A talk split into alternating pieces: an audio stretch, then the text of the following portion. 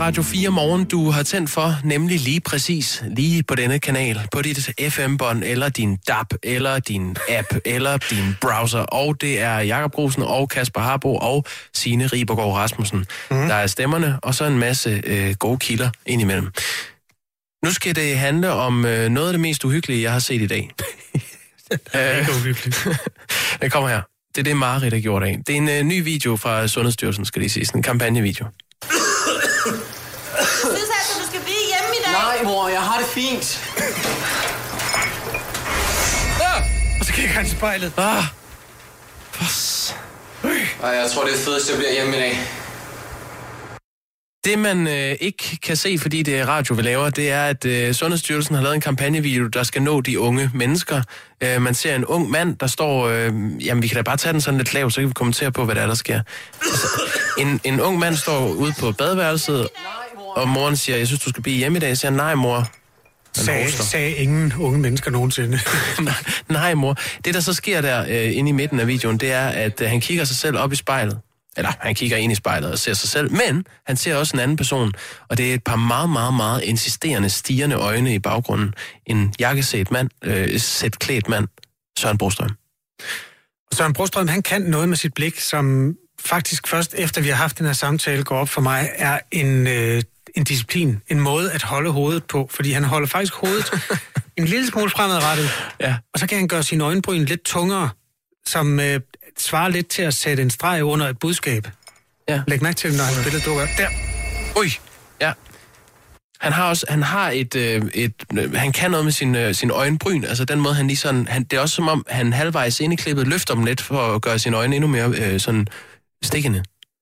Hvis du skal øh, lave analogi til en stemning i en film, du har set, en fra klassikerhylden. Nattevagten. Nattevagten. Ja, jeg tænker, Søren Brostrøm, at der er gået et, øh, et kolossalt øh, forbrydertalent tabt i, at han blev øh, direktør for Sundhedsstyrelsen. Ved du hvad, vi har øh, fat i en filmanmelder nu, der hedder Kasper Christensen, øh, filmanmelder og indehaver af en blog, der hedder Filmnørdens Hjørne. Godmorgen. Godmorgen. Kan du lige øh, den her, jeg skulle lige til at kalde den en film, det er det vel i og for sig også, men altså, øh, kan du lige den her kampagne? Øh, jeg har set, øh, jeg har set fire, tror jeg, i alt nu, med, hvor Søren Brostrøm er med. Og øh, altså, de er, jo, øh, de er jo velproduceret, og øh, selvom han kun er på i cirka et sekund i hver film, så spiller han jo godt. Altså, han gør jo virkelig det, han skal med, og, og som vi siger, det der med øjenbrynene, han gør det der med øjenbrynene. Øhm, så jo, altså, det, det, de, det er nogle fine film, ja, men jeg ved ikke, om de, om de virker. Altså, det håber jeg da. Prøv lige, øh, der er simpelthen så meget, vi kan tale om. Vi kan tale om Søren Yep. Brostrøms præstation. Vi kan også tale om det virkemiddel at se noget i et spejl. Fordi det må du som filmnørd øh, have set nogle gange. Hvad er det, man, man kan med det? Og altså, ofte det er jo en spejling af en selv, og der kan lægges alle mulige former for symboler i spejle, og den måde spejle bliver brugt på. Lige præcis i den øh, film, det, de, de er brugt på her, den der hedder Bliv hjemme, der er det jo, altså, der er det den helt klassiske gyser øh, ting med, at man åbner der ved, døren ud på badeværelset øh, til, til skabet, og så lukker man det igen, og så pludselig så står der en bagved. Det, altså, det er de første 25 gyserfilm, man har set det i. Og det er også det, de et eller andet sted jo prøver at nå frem til, at nå hen til, og ligesom bare skabe en eller anden lidt humoristisk øh, indgangsvinkel til det her budskab, som efterhånden bliver lidt øh, kedeligt at få banket ind i hovedet. Ikke? Og det lykkes de vel meget godt med. Det, det, det håber jeg jo. Altså, jeg har jo igen, jeg ved ikke, hvor fanden, altså, hvor, hvor, hvor effektiv de her film er. Øh, jeg kan egentlig meget godt lide måden, han bliver brugt på, fordi han bliver brugt ligesom, altså, han er jo ikke en karakter, han er det her sådan, symbol på øh, opføre ordentligt. Øh, gør som jeg siger, øh, pas på hinanden. Det, det er filmene og så videre, det der sker i de små film, det, det er sådan nogle hverdagssituationer, hvor det er unge mennesker, der pludselig bliver mindet om, ah okay venligt, jeg burde måske gå hjem nu, i stedet for at, at blive hængende, eller jeg burde måske lade være med at, at give en krammer og sådan nogle ting. Og det, er meget, det er en sjov lille gimmick at bruge sammen på den måde som, som sådan et symbol. Søren Brostrøm er altså direktør i Sundhedsstyrelsen i Danmark, og Kasper Christensen, som vi taler med, er filmanmelder og indehaver af den blog, der hedder Film Nørdens Hjørne. De der skurk-psykopat-typer, som er den onde i diverse film. Nu var vi inde på nattevagten for lidt siden, hvor det hovedrollen, eller ikke hovedrollen, men skurkerollen, det er Ulf Pilgaard. Nej, spoiler alert. Åh oh, ja, undskyld for helvede. Ja, okay. Nå, Ja, det er lige meget. Den, den har jeg ødelagt for jer nu, men det er altså Ulf Pilgaard, der har gjort det. Han øh, har det der enormt rare, samtidig med, at han har det enormt onde i sig. Øh, Kunne Søren Brostrøm i virkeligheden øh, have det samme? Åh, altså, øh, jeg, jeg mangler at se øh, måske et øh, større spektre øh, af, af, af udtryk fra Søren Brostrøm. Jeg synes, han sidder lidt fast i det der øh, sådan lidt øh, gysede, formanende øh, udtryk. Ja. Ja. Men det kan jo også, det er jo mange skuespillere, som ligesom gør én ting rigtig godt, og de bliver jo karakterskuespillere. Det er sådan nogen, som, som altid spiller den samme type. Og, og Søren her, han kunne måske godt øh, sådan blive... Altså, jeg kunne godt se ham som en rektor, eller sådan noget, ikke? En stram i betrækket rektor. Øh, så så den, den slags roller ser jeg ham til. Jeg har endnu til gode at se altså hans deciderede blide udtryk. Det der, øh, der får en til at tro, at han, øh, at han er en good guy. Øh, men, men altså, det kan da godt være. Øh, jeg, jeg kunne godt håbe, at han øh, fik lov at, at lave lidt mere end bare det her formatende nedstigning. Jeg er ret sikker på, at han også har det, det andet udtryk i sig. Altså, jeg synes, han, øh, han præsterer en dybde, jeg sjældent har set fra en direktør for Sundhedsstyrelsen. Og jeg tror en faktisk... sekund, ja, det er rigtigt. Jamen, han har en eller anden, øh, han har et ansigt som øh, David Lynch, og det her det, det er fuldstændig øh, blot, blottet for sarkasme. Jeg tror, hvis David Lynch så det her, så det her klip, så vil han tænke, jeg kan godt bruge Søren Brostrøm til eller andet. 100 procent. Jamen, det, det gør han også. Men han virker jo også. Og han har også et godt udtryk. Øh, men, men jeg vil sige, som øh, altså fra et anmelderperspektiv, så er det sådan lidt... Øh, nu har jeg set fire film med ham. Øh, og han laver, han laver nøjagtigt det samme i alle fire film. Jeg synes måske, den næste, der, der må de godt bruge ham til noget lidt andet. I øvrigt, så tror jeg, at den der med spejlet, hvis man skulle komme med et eller andet arketypisk og meget berømt sted, hvor man bruger den med, at du pludselig ser skurken i spejlet, så David Lynch's slutning på første omgang af Twin Peaks, der dukker øh, også et Spoiler ansigt op. Spoiler alert! igen. Nej, det, hold er op! det igen. Hold op! For guds skyld! Ej, Ej, de- Hvad ender Titanic med? Nej! Vi lægger den øh, her. Kasper Christensen, øh, det, må, det må I undskylde, alle jer, der ikke havde set alle de gode film. nu er det ødelagt. og øh, det er så også ødelagt for dem, når de skal til at se de der øh, øh, kampagner fra Sundhedsstyrelsen. Det er Søren Brostrøm, der har gjort det. Men tak fordi du var med. det var en fornøjelse. Vi snakkes ved en anden gang. Nej, det gør vi. Hej. Hej hej. Jeg tror, at Kasper Christensen får en god dag. Ja, øh, vi kan jo sige, og det er jo på en alvorlig øh, klangbund, det her. Øh, øh, SSI's, altså Statens Serum Instituts fokusrapport, udbrud på grundskoler, øh, dokumenterer, at hele 331 af landets skoler og efterskoler har haft et muligt udbrud med coronavirus, siden skolerne ringede ind til den nye øh, skoleår tilbage i august. Så det er, altså, det er på den baggrund, at man har set en, en øget smittespredning blandt de unge. Jeg drømte lidt af omveje om det der udtryk, som Brostrøm han har forleden nat. Er det en øh, drøm, der er værd at fortælle om i radioen? Jamen, den, det er meget kort. Der okay. var bare to mennesker, to kvindelige medlemmer af min svigerfamilie, der stod og nedstjede hinanden med det der, og så sagde jeg til dem, I ligner Søren Brostrøm. og så var den sluttet der. Ej, så vågnede du. Ja, det, Badet i sved. ja, det var den gang. Nå, det, var, ved jeg sådan slet ikke, hvad jeg skal sige til. Nej, du behøver ikke sige noget. Radio 4 Morgen er et program, som kommer også ned i de mere hyggelige hjørner en gang imellem. Og de uhyggelige. Hvis du har lyst til at skrive ind, så skriver du R4, et mellemrum og en besked, send den til 1424.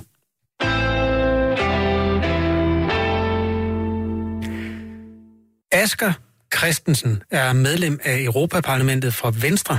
Han har skrevet, eller det gjorde han fredag den 20. november, et indlæg i den avis, der hedder Effektivt Landbrug. Og han er sur.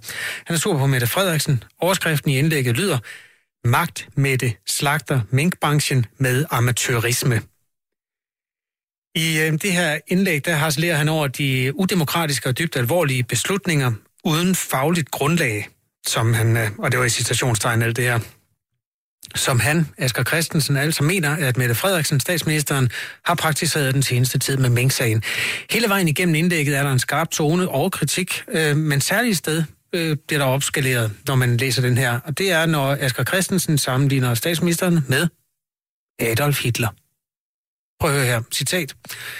Ansvarspilen peger på Mette Frederiksen, som gemmer sig bag Mogens Jensens politiske kadaver. I stedet for at tage ansvar, sender føreren sine partisoldater ud i forsvar af hende. Citat slut. Føreren. Sådan stod der. Mm. Ja, nogen tror, det står der endnu, men det gør det ikke. Sådan stod der. Øhm, det, det står der ikke længere. Ordet føreren er blevet skiftet ud med hun. meget pudsigt øh, har Asger Christensen, som vi i øvrigt har ragt ud til flere gange, han har bare ikke haft tid til at tale om det her, men ordet er blevet skiftet ud, der står ikke længere ordet føreren om Mette Frederiksen. Men der eksisterer en oplæsningsversion af teksten, og der er det ikke blevet rettet endnu. Det står lynende klart, at hele forløbet er ekstremt kritisabelt. Men det eneste, vi får serveret, er dårlige undskyldninger og desperate forsøg på at aflede mediernes og befolkningens opmærksomhed. Ansvarspilen peger på Mette Frederiksen, som gemmer sig bag Mogens Jensens politiske kadaver. I stedet for at tage ansvar, sender hun sine partisoldater ud i forsvar af føreren. Åh, oh, Åh, oh, der står stadigvæk føreren. Vi har i fire dage prøvet at få en kommentar fra Asger Christensen om det her nazikort. Om man kan spille det som seriøs politiker i vores dage. Øhm, og vi kunne selvfølgelig godt øh, tænke os om, øh, også at spørge om, der er en grund til, at han har valgt at ændre teksten, trække land, med nogen kalde det. Øhm, vi har ikke kunne få en, en, en decideret samtale med ham. Vi har kun få bekræftet både af ham selv og effektiv landbrug, at det er ham selv, der har taget kontakt til avisen for at få rettet øh, indlægget og få fjernet ordet føreren. Og det er så det øh, ønske, som effektivt landbrug nu har efterkommet. Så hvis du sætter dig med en knitrende papiravis, der hedder effektivt landbrug lidt senere, så vil du bare opleve, at ordet føreren ikke står der længere det jeg ingen respekt for. Hvis man virkelig mener det, så må man stille op og forklare sig. Hvad er der galt i, der er kommet en sms, hvad er der galt i at kalde folk Hitler? Det er nærmest normalt her i 2020. Det sidste har øh, lytteren i hvert fald ret i. Det er ikke første gang. Altså, det er jo... Jeg tror, hvis du laver en sådan en hitliste over danske politikere, der er blevet kaldt Hitler eller nazist flest gange, mm. så skal du nok starte i nærheden af Pia Kærsgaard. Jeg tror, hun er den, der Og flest. Paludan måske. Ja, gud ja. Han har fået den mange gange. Han har ikke været der så mange år som Pia. Nej, det er rigtigt. Så jeg vil tro, det er der, at man er førende. Om jeg, undskyld. Nej, du bliver ved. Hitliste. Ja. Førende. Ej, for helvede. Skal vi ikke bare... Jo, vi, vi lægger den der. Det, ja. Ja. jeg bare vil sige, er, Ståhegn har været meget stor øh, i, det, øh, i den kontekst, at det er en politiker fra venstrefløjen, der får nazikortet. Ståhegn har været mark, altså, marginalt mindre nogle gange, når det er blevet brugt på højrefløjen. Der, er- der er en større tradition eller en større tolerance over for det der. Men øh, nu har jeg Asger Christensen altså fået rettet sit øh, indlæg i Effektiv Landbrug. Sådan er det. 17 minutter over 8 er klokken i Danmark, og nu skal vi en tur ud i Europa. For mens vi øh, stadig er plaget af, af corona her i, øh, i Danmark, så er vi faktisk et af de lande, hvor det alligevel går bedst i øjeblikket. Vores reporter Mads Anneberg er lige nu i Belgien, der har været blandt de hårdest ramte, og derfor har måttet øh, gribe massivt ind i befolkningens frihedsrettigheder. Godmorgen, Mads Anneberg. Godmorgen. Godmorgen. Du har faktisk været på patrulje med det belgiske politi. Hvorfor øh, har du været på sådan en tur? Altså udover at det jo var en, en, en sjov oplevelse øh, rent personligt, så er det jo også fordi, som du er inde på, at Belgien er et af de steder, hvor de i store træk slet ikke har haft styr på coronasituationen. Og det har fået de her meget mærkbare konsekvenser for befolkningen. For at få smitten ned, så skal Belgien nu hele tiden gå med maske, når de er udenfor, øh, på, på, på fortorv alle steder. Bar og restauranter og stort set altid, øh, alting andet er lukket, og man må i øvrigt heller ikke holde fester derhjemme. Og så er der blevet indført udgangsforbud om natten. Altså spærretid, kan du kalde det. Noget, som vi jo i Danmark forbinder med 2. verdenskrig. Mm. Så det er ligesom en historie om, hvor galt det egentlig kan gå, øh, hvis ikke man, man, man passer på med, med, med, med corona. Og dem, der skal sørge for, at befolkningen makker ret i den her situation, det er selvfølgelig det belgiske politi.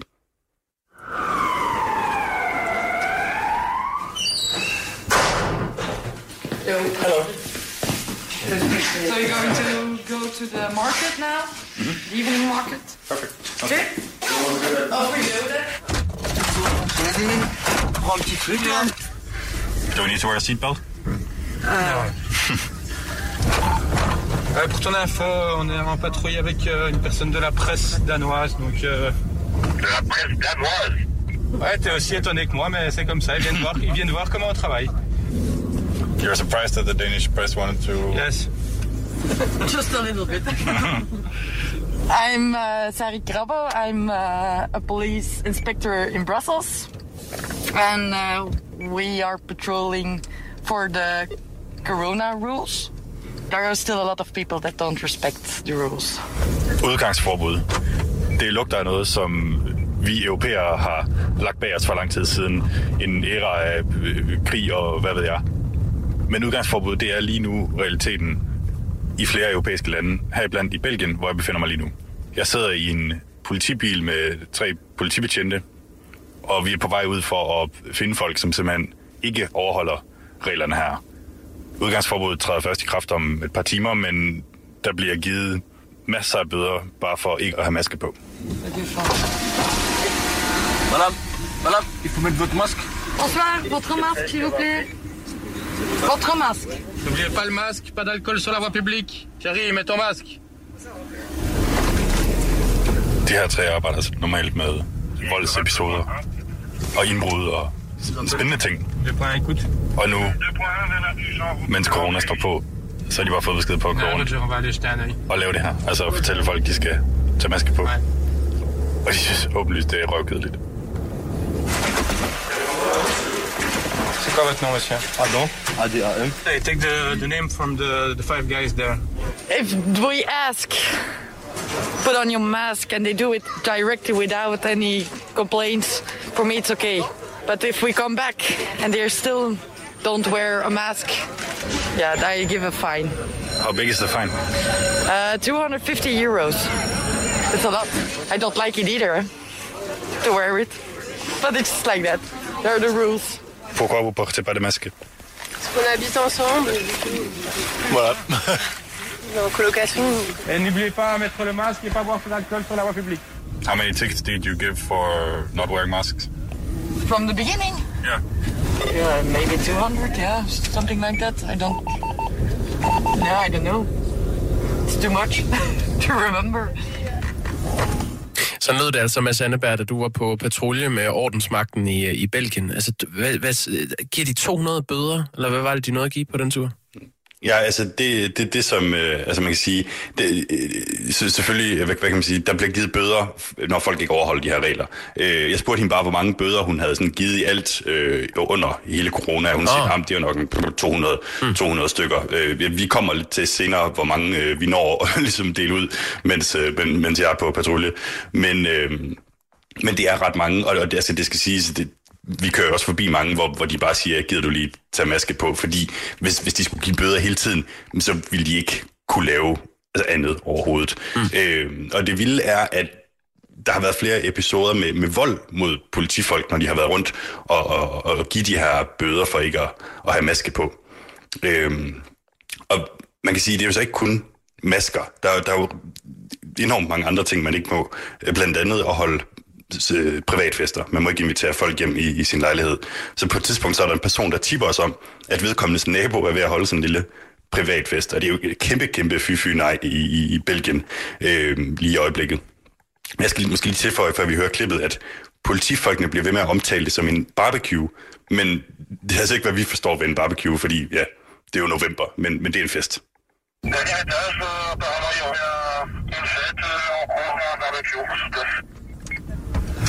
We're gonna go in uh, flat. There are barbecue. A barbecue? Yeah, Oh, okay. with many persons. that's. No. You can, you can invite one person uh, at your home Okay. now. Al- and always the, the same uh, person. Vi skal nok kigge på nogen, der holder en fest. Det må man absolut ikke i øjeblikket, hvor man kun må invitere én person hjem til sig. Og det skal være den samme person. Bonjour. Est-ce qu'il y a une fête en cours ici Non. Oui, pas C'est pas, c'est pas une fête, c'est seulement des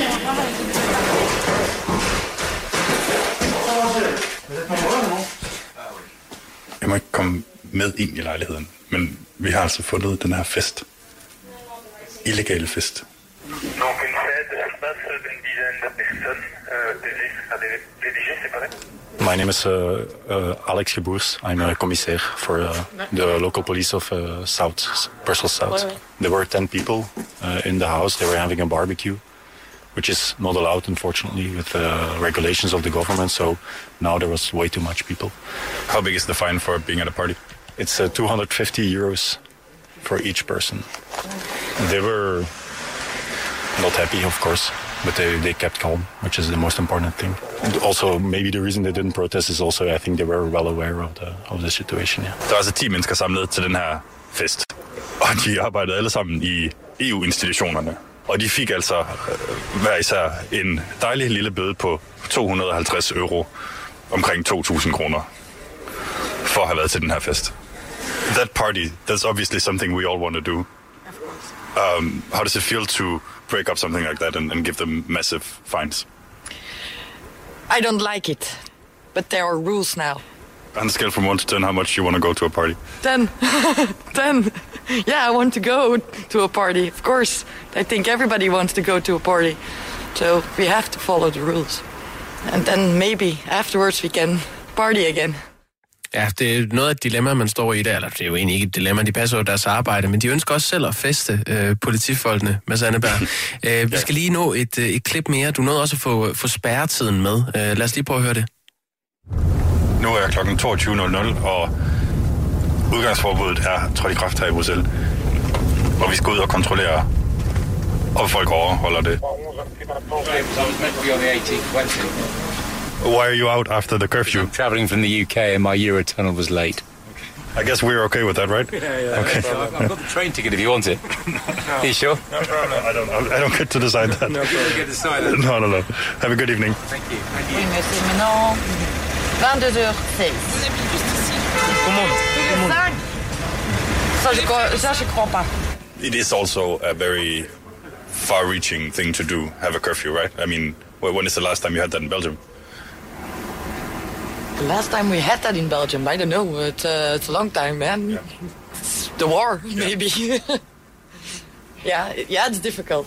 We're going. We have to put the fines into the computer now. It's between 25 and 30 fines. Today? Today. Okay. So, With three people.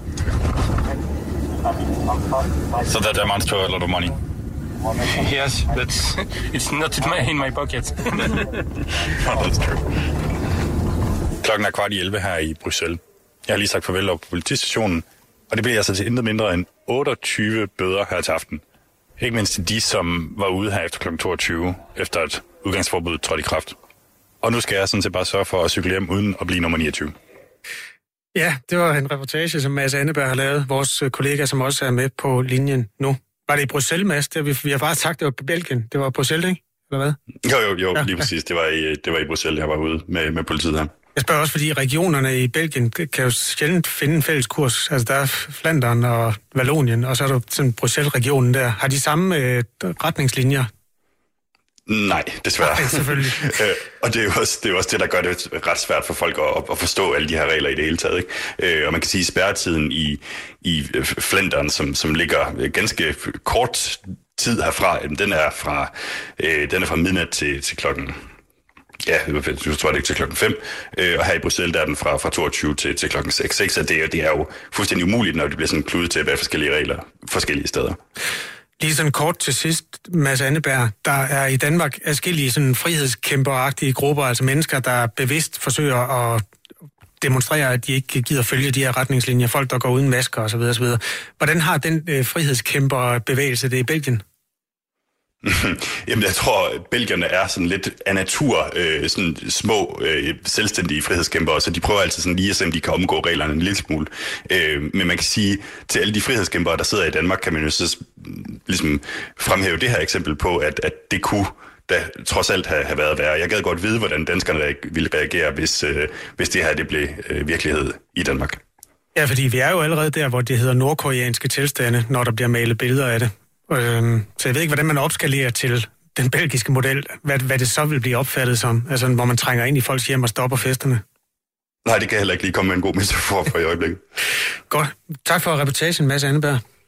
Selv tak. Jeg sidder med de friske tal fra Belgien, hvor man jo, altså, der er en grund til, at man har indført de her stramme restriktioner, det er, at der har været enormt mange indlagte på hospitalerne. Dengang det stod værst til, der var antallet af indlagte over 7.500. Og det er jo altså en befolkning, der er det dobbelte af Danmarks størrelse. 7.500, det er rigtig mange indlagte. Hvor mange har vi i Danmark? Bare lige til sammenligning. 200 eller noget? Ja, dengang det var værst, var vi vist omkring 1000. og Ja. Det var i foråret, ikke? Nu har vi 250. Øh, men det er bare for at sige, at det går lidt bedre i Belgien. Altså tallet er dalet fra de førnævnte 7.500 til nu omkring 5.000. Så kurven går den rigtige vej. Det er godt nyt. Nu er klokken halv ni.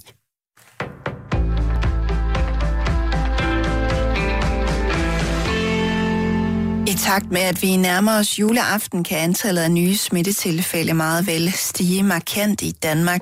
Det samme gælder antallet af indlagte med coronavirus på landets hospitalsafdelinger. Det vurderer det europæiske smitteagentur ECDC i en ny prognose, skriver DR.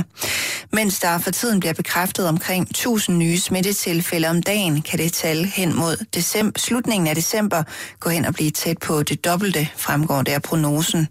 I går oplyste sundhedsminister Magnus Heunicke, at kontakttallet lige nu er på 1,0, og det betyder, at hver coronasmittet i gennemsnit når at smitte en anden. Dermed så er epidemien hverken faldende eller stigende, men stabil. Og det er ikke lavt nok, det mener Viggo Andreasen, der er lektor i matematisk biologi og er epidemiforsker ved Roskilde Universitet. Han vurderer, at flere formentlig kan være tilbøjelige til at slække på restriktioner i juletiden. Alle, mig selv inklusive, snyder lidt over tid. Det kunne man godt være bange for, at julen er et tidspunkt, hvor vi vil snyde lidt mere end ellers. Derfor er et kontakttal på en ikke helt godt nok, siger Viggo Andreasen til DR. 10.000 vis af indsatte herunder seriemordere og drabsmænd på dødsgangen har gennemført det, som anklager beskriver som det muligvis største svindelnummer i delstaten Kaliforniens historie. Det rapporterer NBC News. Den formodede svindel, der centrerer sig om ydelser til arbejdsløse under coronapandemien, kan løbe op i så meget som 1 milliard dollars. Det svarer til knap 6,3 milliarder kroner. Det fortæller distriktsanklager i byen Sacramento, Anne-Marie Schubert. Mellem marts og august har indsatte på tværs af Kaliforniens fængsler, ifølge anklageren, gjort krav på i alt 140 millioner dollars, altså knap 880 millioner kroner i sociale ydelser. I nogle tilfælde er ydelserne blevet udbetalt direkte til den indsatte i fængslet.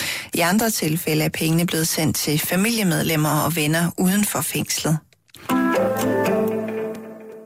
I weekenden vil Frankrig begynde at lempe den månedlange nedlukning, der har været i kraft siden slutningen af oktober. Det siger den franske præsident Emmanuel Macron i en tv-tale. Nogle restriktioner vil dog fortsat gælde for at undgå, at Frankrig bliver ramt af en tredje coronavirusbølge, siger Macron. Nedlukningen bliver først helt ophævet den 15. december. Her bliver den erstattet af et udgangsforbud, der gælder fra kl. 21 og til kl. 7. Eneste undtagelser er juleaften og nytårsaften. Vi kan rejse uden tilladelse, også mellem regionerne, og tilbringe jul med vores familier, siger præsidenten. Men han opfordrer franskmændene til at undgå formålsløse rejser. I knap 20 år har Ole Bjørstorp været borgmester i Ishøj, men ved kommunalvalget til næste år vil han blive erstattet af Marete Amdisen som spidskandidat for Socialdemokratiet. Det har en afstemning blandt partiets lokale medlemmer afgjort. Og dermed så sluttede et års usikkerhed og konflikt omkring den post. Ifølge TV2 Lorge har den socialdemokratiske byrådsgruppe i Ishøj Kommune det seneste års tid været splittet i et internt magtopgør. Socialdemokratiet har absolut flertal i Ishøjs byråd. I dag får vi en overgang nogen sol mod syd og øst, ellers skyet og noget diset, men mest tørt vejr. Temperatur mellem 7 og 11 graders varme og let til frisk vind ved vestkysten stedvis op til hård vind. Mit navn er Signe Ribergaard Rasmussen. Der er flere nyheder klokken 9.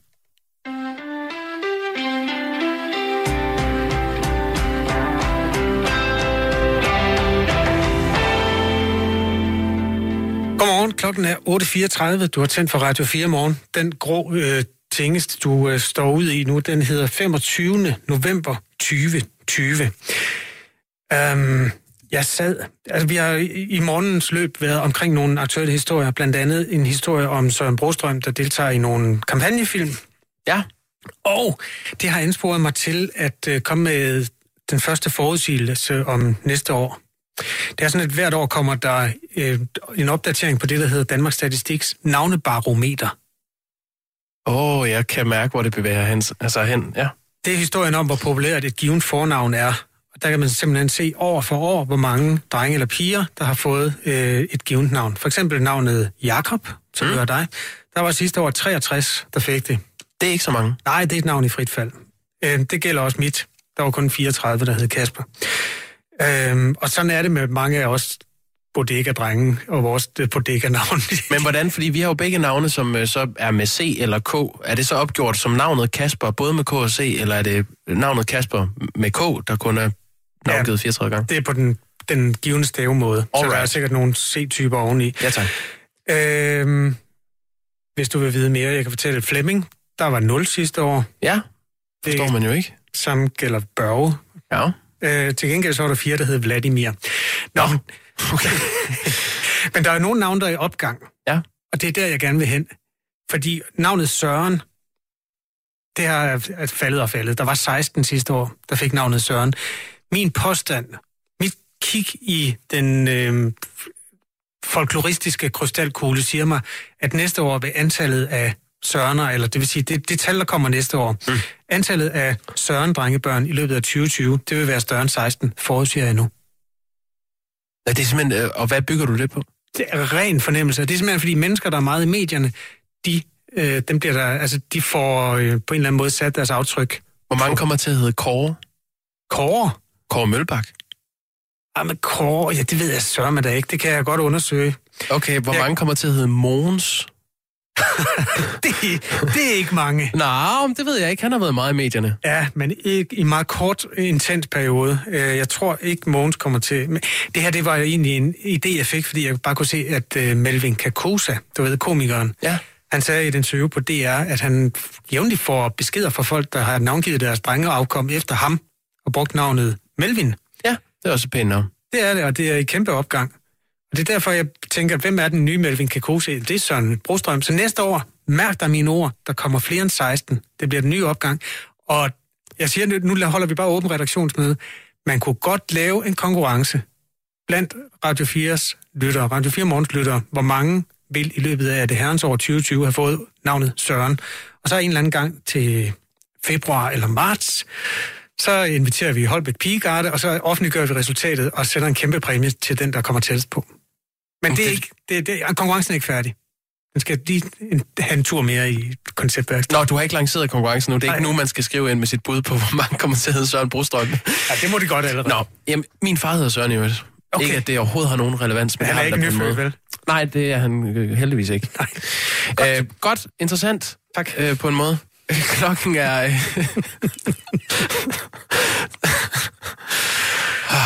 23 minutter i 9.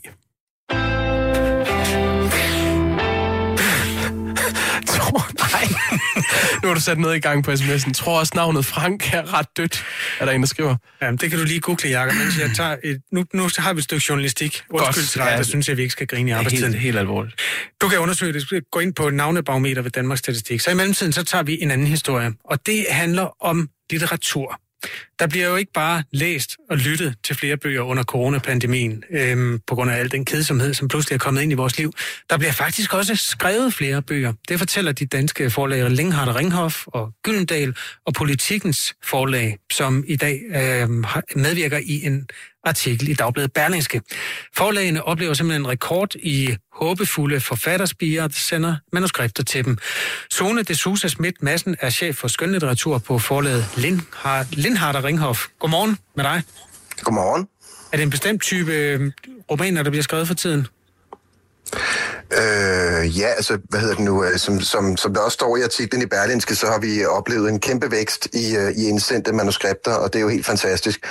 Rigtig, rigtig, rigtig mange af dem er, hvad hedder det nu, øh, er præget af det år, som vi har gennemlevet selvfølgelig. Det er, der er science fiction, der er dystopier, der er, øh, hvad hedder det, pandemilitteratur, der er coronadigte, øh, den type bøger. Men der er også en masse mennesker, som simpelthen har fået overskud og mulighed til at skrive måske det store bogprojekt færdigt, som de har gået og, og arbejdet med i mange år og drømt om.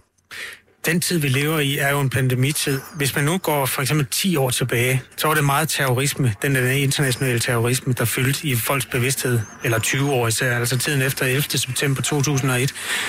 Øh, Var det også, er det sådan, at perioderne i verdenshistorien, det som vi lever igennem, det også sætter et aftryk i, at der kommer flere af den type romaner?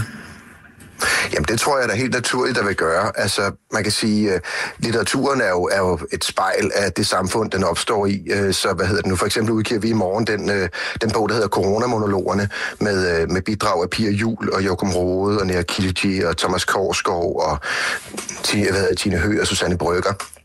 Og det var egentlig et projekt, som startede på, øh, på øh, Østerbro Teater, hvor de bad sådan 14 øh, store danske forfattere om at give deres bud under nedlukningen, altså give deres bud på en, en coronamonolog. Øh, og dem, dem udgiver vi så i morgen med, med, med, med en reception på Østerbro Teater. Hos Gyldendal, der er manuskriptbunken skulle de være. De har modtaget 1.500 øh, manuskripter i årets løb. Politikken dobbelt så mange ja. manuskripter som normalt. Og det er også, er det rigtigt forstået? Det er også cirka det er det der, I ligger? billede. Det er det, Ja, det er det samme billede, vi ser. Hvad hedder den nu? Øh, og, øh, og man kan sige, ud over den her glædelige ting med, at rigtig, rigtig mange skriver bøger, så er der også rigtig, rigtig mange, der læser bøger. Altså, vi har simpelthen solgt øh, flere bøger end nogensinde før. Øh, og den allerbedste nyhed ved det, det er, at det ikke kun er nyheder netop, der sælger, men det er også simpelthen også alle de gode bøger, vi har udgivet igennem de sidste 5-6 år. Man kan se, at folk simpelthen nu, nu har de haft tid til endelig at få læst den bog, de havde drømt om at få læst. Måske havde de hørt om Mariette Pryds Folkets Skønhed, eller de havde hørt om Mik Slave-trilogi, eller Maren Uthaugs bøger. De har ikke haft tid til at læse dem, men de har altid ønsket sig det, og nu er der endelig blevet tid til det, så man kan simpelthen se, at Ja, det bogsalg, vi har, det går, øh, det går bredt på hele det, vi kalder bagkataloget, altså alle de bø- gode bøger, vi har udgivet gennem de sidste mange år. Hvad tror du, det munder ud i, når vi nu altså for eksempel ved, at i oktober har I modtaget 77 skønlitterære manuskripter? Hvor mange af, ja. jeg ved ikke, hvor mange der normalt bliver til virkelighed. Er det 5% eller et eller andet? Kan du svare på det? Uh, nej, det er nok desværre lidt lavere end det. Altså, jeg så min kollega fra politikken sagde, hun gennem de sidste 30 år havde realiseret 10 eller sådan noget. uh, hvad hedder det nu? Uh, langt de fleste manuskripter opstår jo uh, af anden vej. Meget, meget ofte så er det sådan, så forlagene opdager en, en, en stemme derude, altså en, en dygtig klummeskribent, eller man er med til en, en, en hvad hedder det, foredrags et eller andet, hvor, hvor, nogen, hvor, hvor unge digter læser højt, eller altså, man, man bliver jo tit opmærksom på nogen, der, der, der skriver, fordi de ikke kan lade være. Øh, men der, når det er sagt, så tror jeg da også helt sikkert, at vi vil se en opblomstring. Altså, det er klart, når der kommer dobbelt så mange manuskripter, så, så vil der helt sikkert også være, være nyt talent iblandt. Har I egentlig tid Og til at læse kan- 77? Altså, jeg får ikke læst 77 bøger i løbet af en måned. Det er så det, der er opgaven for jer, hvis der kommer så mange. Ja, men nu er vi heldigvis også syv i redaktionen. Og så skal I det vil læse sige, 11 det vi gør, det er... Ja, altså, men det vi gør, det er simpelthen, vi har dem, øh, i, vi har, vi har øh, hvad hedder, hver 14 dage, der har vi manusmøder, så der kan du sige, der er det fem hver, ikke? Så lægger vi bunken op, og så kigger man i det, og, og, og noget kan man jo ret hurtigt sige, okay, det her, det er nok ikke lige noget, og andet fortjener så dybere, en dybere læsning. Men altså, ja, den sidste uge, der har jeg læst fem bøger. så det, det, det, det gør vi jo, ja. Har I fundet nogle ting, som I har gået og ventet på? Eller har du det? Ja, altså der, hvor jeg især vil sige, at, øh, at der virkelig også har været en gevinst med det her, øh, hvad hedder det nu, det forkerte for, forkert at bruge ordet, gevinst omkring coronakrisen, fordi det er først og fremmest en, en forfærdelig situation, vi står i. Men hvis man nu skal prøve at se noget positivt i det, så kan man sige, at, øh, at rigtig mange af vores etablerede forfattere jo også har haft tid til fordybelse, og det vil sige nogle bøger, vi måske har gået rundt og ventet på, for eksempel Knud Romers næste digtsamling, der, der, hvad hedder den nu, øh, der har Knud haft tid til at sidde og skrive. Øh, Mariette Pryds Helles næste roman, der har hun haft tid til at sidde og skrive. Så på den måde er det jo ikke kun, øh, hvad hedder det, manuspunkten, der vokser. Det er jo også vores allerede eksisterende forfattere, som har haft tid og ro, og det er også mine redaktører, som har haft tid og ro til at sidde og læse. Så på den måde, så tror jeg, vi kommer til at se et boom i litteratur. Øh, og jeg tror også, at rigtig mange af de læsere, vi har vundet i år, det er jo ikke kun de fysiske bøger, der er jo også sket en eksplosion på lydbøger og, mm. og e-bøger og så videre.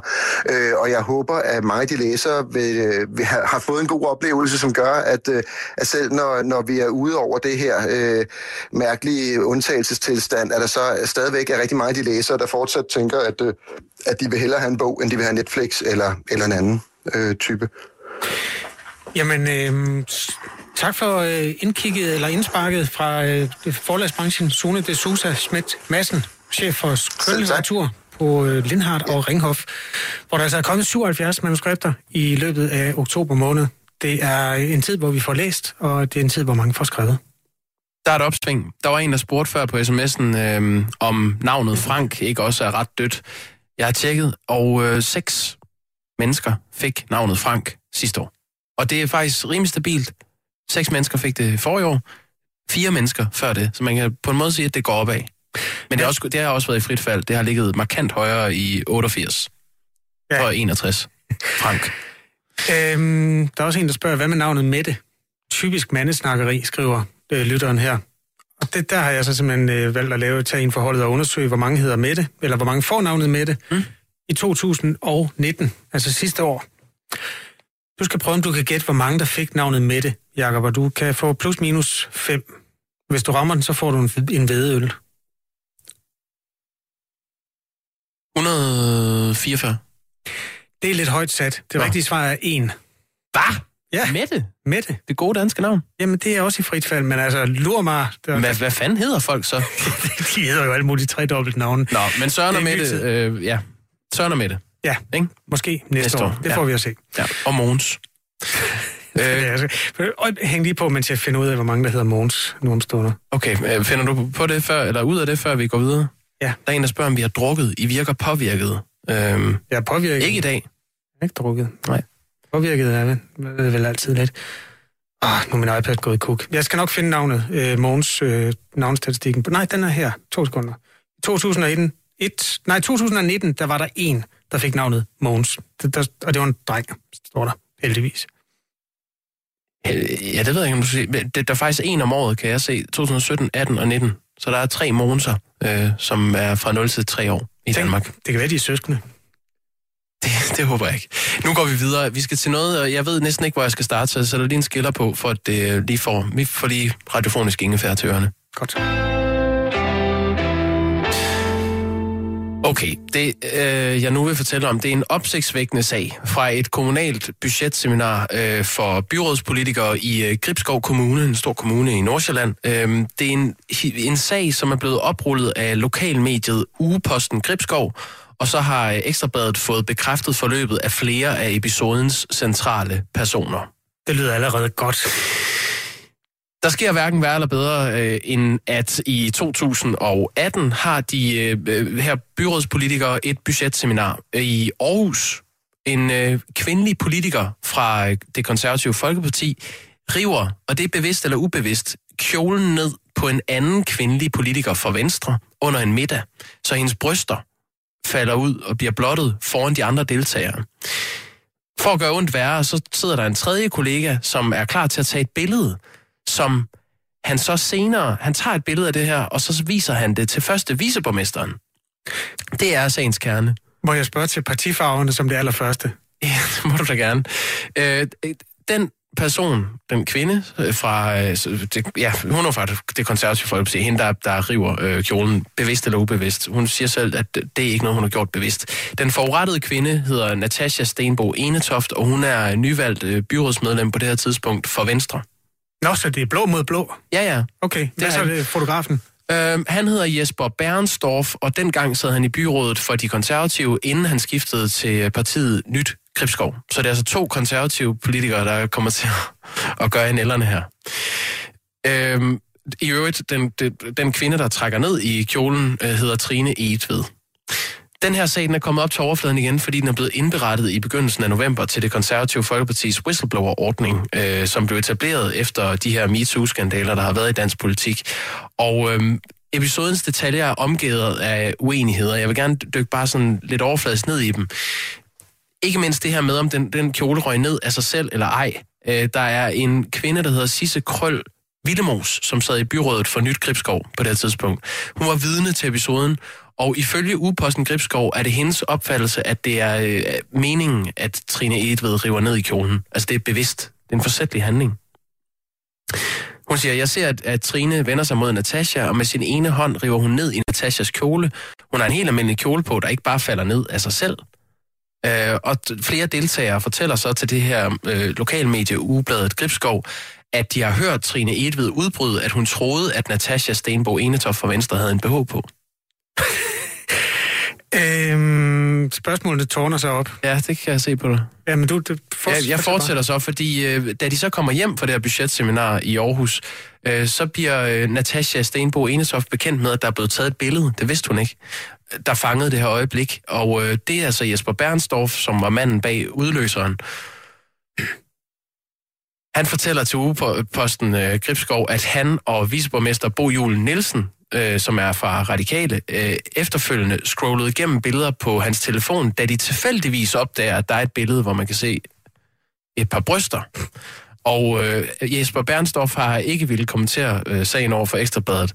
Viceborgmesteren, som altså får den her, øh, det her billede sat op i ansigtet, han siger til gengæld, og det er hans udlægning, at Jesper Bernstorff tager fat i ham med sætningen, prøv lige at se her, og så sætter han billedet øh, op i ansigtet på ham. Jeg fik stukket billedet, øh, telefonen med billedet op i ansigtet, da jeg gik forbi.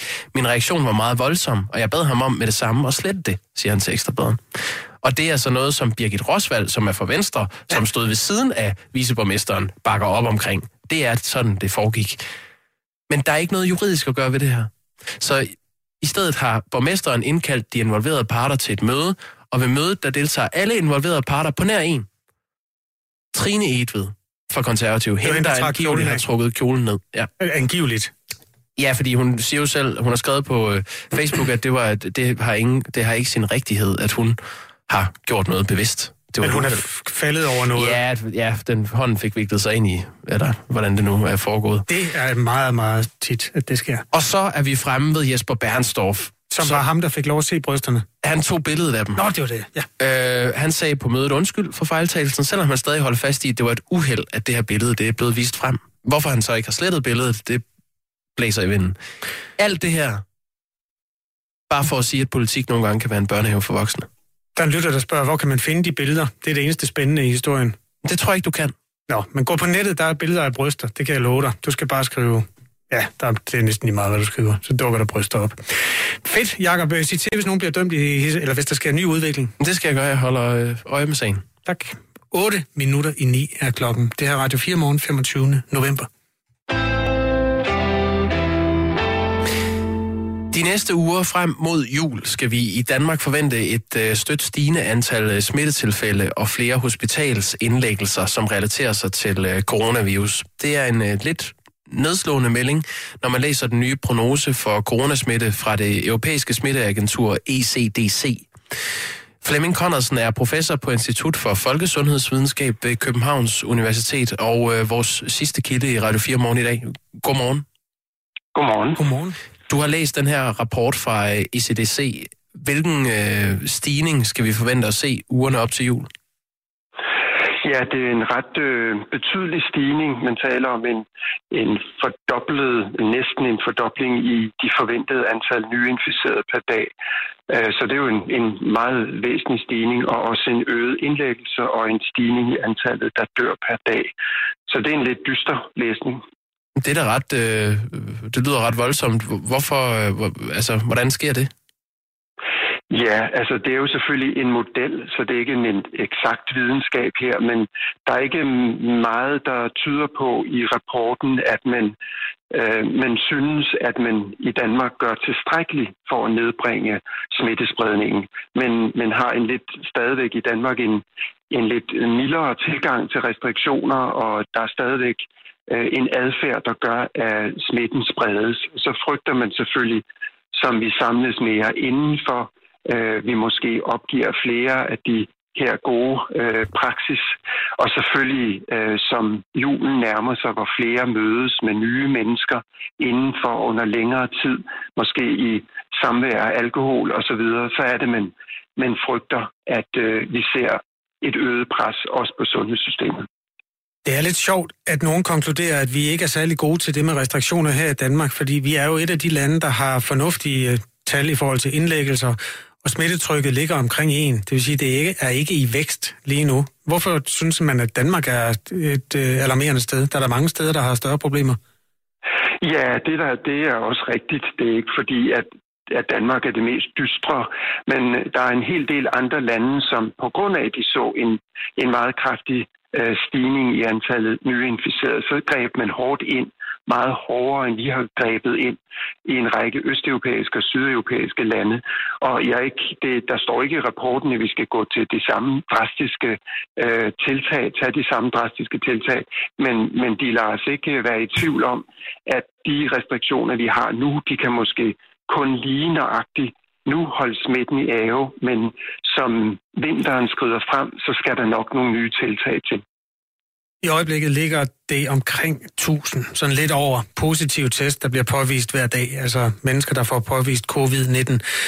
Hvordan vil det være, hvis nu det tal er 2000? Altså det, det, som er det farlige, er jo ikke tallene i sig selv, men det er, hvis kurverne de går sådan stejlt opad.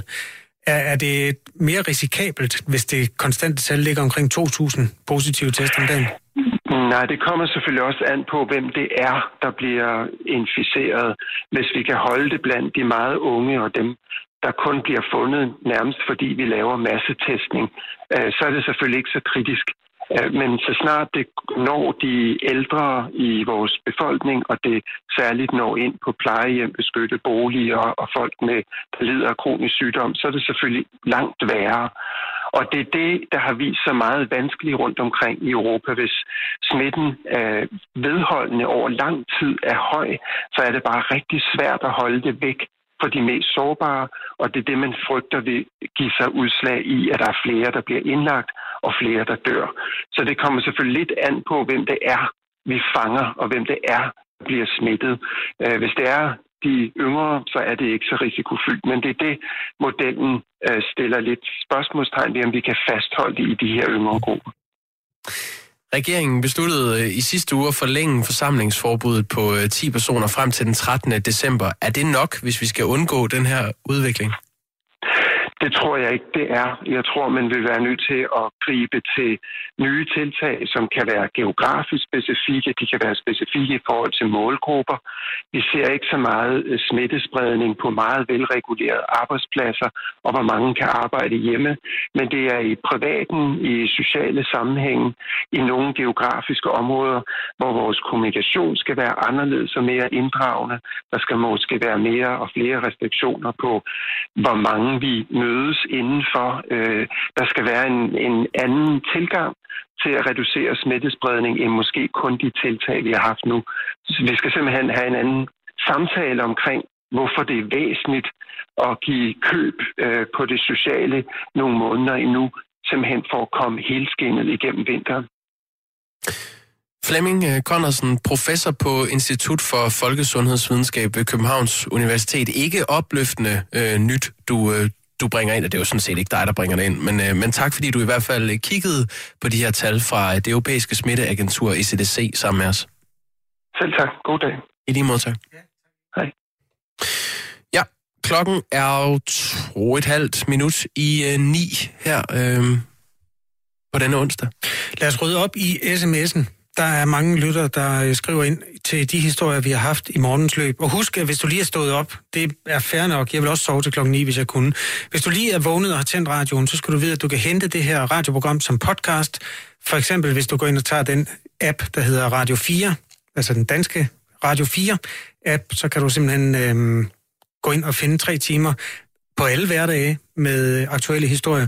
I dag med nogle polemiske historier og nogle mere sådan det substantielle. inden de polemiske og diskussionsløsende, det er den der med et radikalt øh, byrådskandidat øh, medlem, eller en, en radikal øh, byrådskandidat foreslår, at man på Frederiksberg tager og fjerner halvdelen af de der maskuline udseende stå- og gå-mænd, og erstatter dem med øh, kvindelige figurer, kvindelige piktogrammer med kjoler og flot opsat hår, måske en lille hat. Mm, ja, der er egentlig bare flagrende hår i vinden og en øh, let sommerkjole. Det var det. Den gav mange sms'er. Øhm, ja, det er simpelthen helt vildt. Øh, fatter ikke helt jeres snak, er cirkler ikke generelt kønsneutrale, øh, skriver Kenneth på den. Hvad Ja, man? og det er jo fordi, der findes simpelthen også øh, signaler, som er beregnet på biler. Der bruger man cirkler, og cirklerne er kønsneutrale, men det er fordi, du vil lægge mærke til, Ken, hvis du bliver fodgænger en dag, at øh, der er det simpelthen øh, mandefigurer. Ja. Øhm, jeg skal lige se, kan du lige tage en, jeg skal lige finde en, en særlig sms, jeg lagde mærke til, vi aldrig nåede til. Så tager jeg en sms fra Niels i Hillerød, der skriver, hvorfor er det må nødvendigt for dagens morgenværter at bande og svogle? Det er det heller ikke, Niels. Det må du simpelthen undskylde. Nogle gange bliver man bare så meget øh, drevet af sted af stemningen, at man kommer til at lade en finke ryge af panden. Det er ikke nogen kvalitet i sig selv. Jo, den her. Jeg har ja. fundet den. Søren Fo Christiansen skrev ind øh, på den historie med de grafiske symboler og piktogrammerne. Jeg sidder som formand for DS Standardiseringsudvalget S494 for grafiske symboler, piktogrammer til information af offentligheden. Vi vil tage emnet op på næste udvalgsmøde for at se, om der er mulighed for at skabe et mere inkluderende piktogram. Det er simpelthen fine folk, der hører det her radioprogram. Hvad var Sørens titel igen, siger du? Formand for DS Standardiseringsudvalget S494 for grafiske symboler. Jeg ved ikke, jeg aner ikke, om det eksisterer. Tak for sms'en. Vi høres ved. Klokken er ni.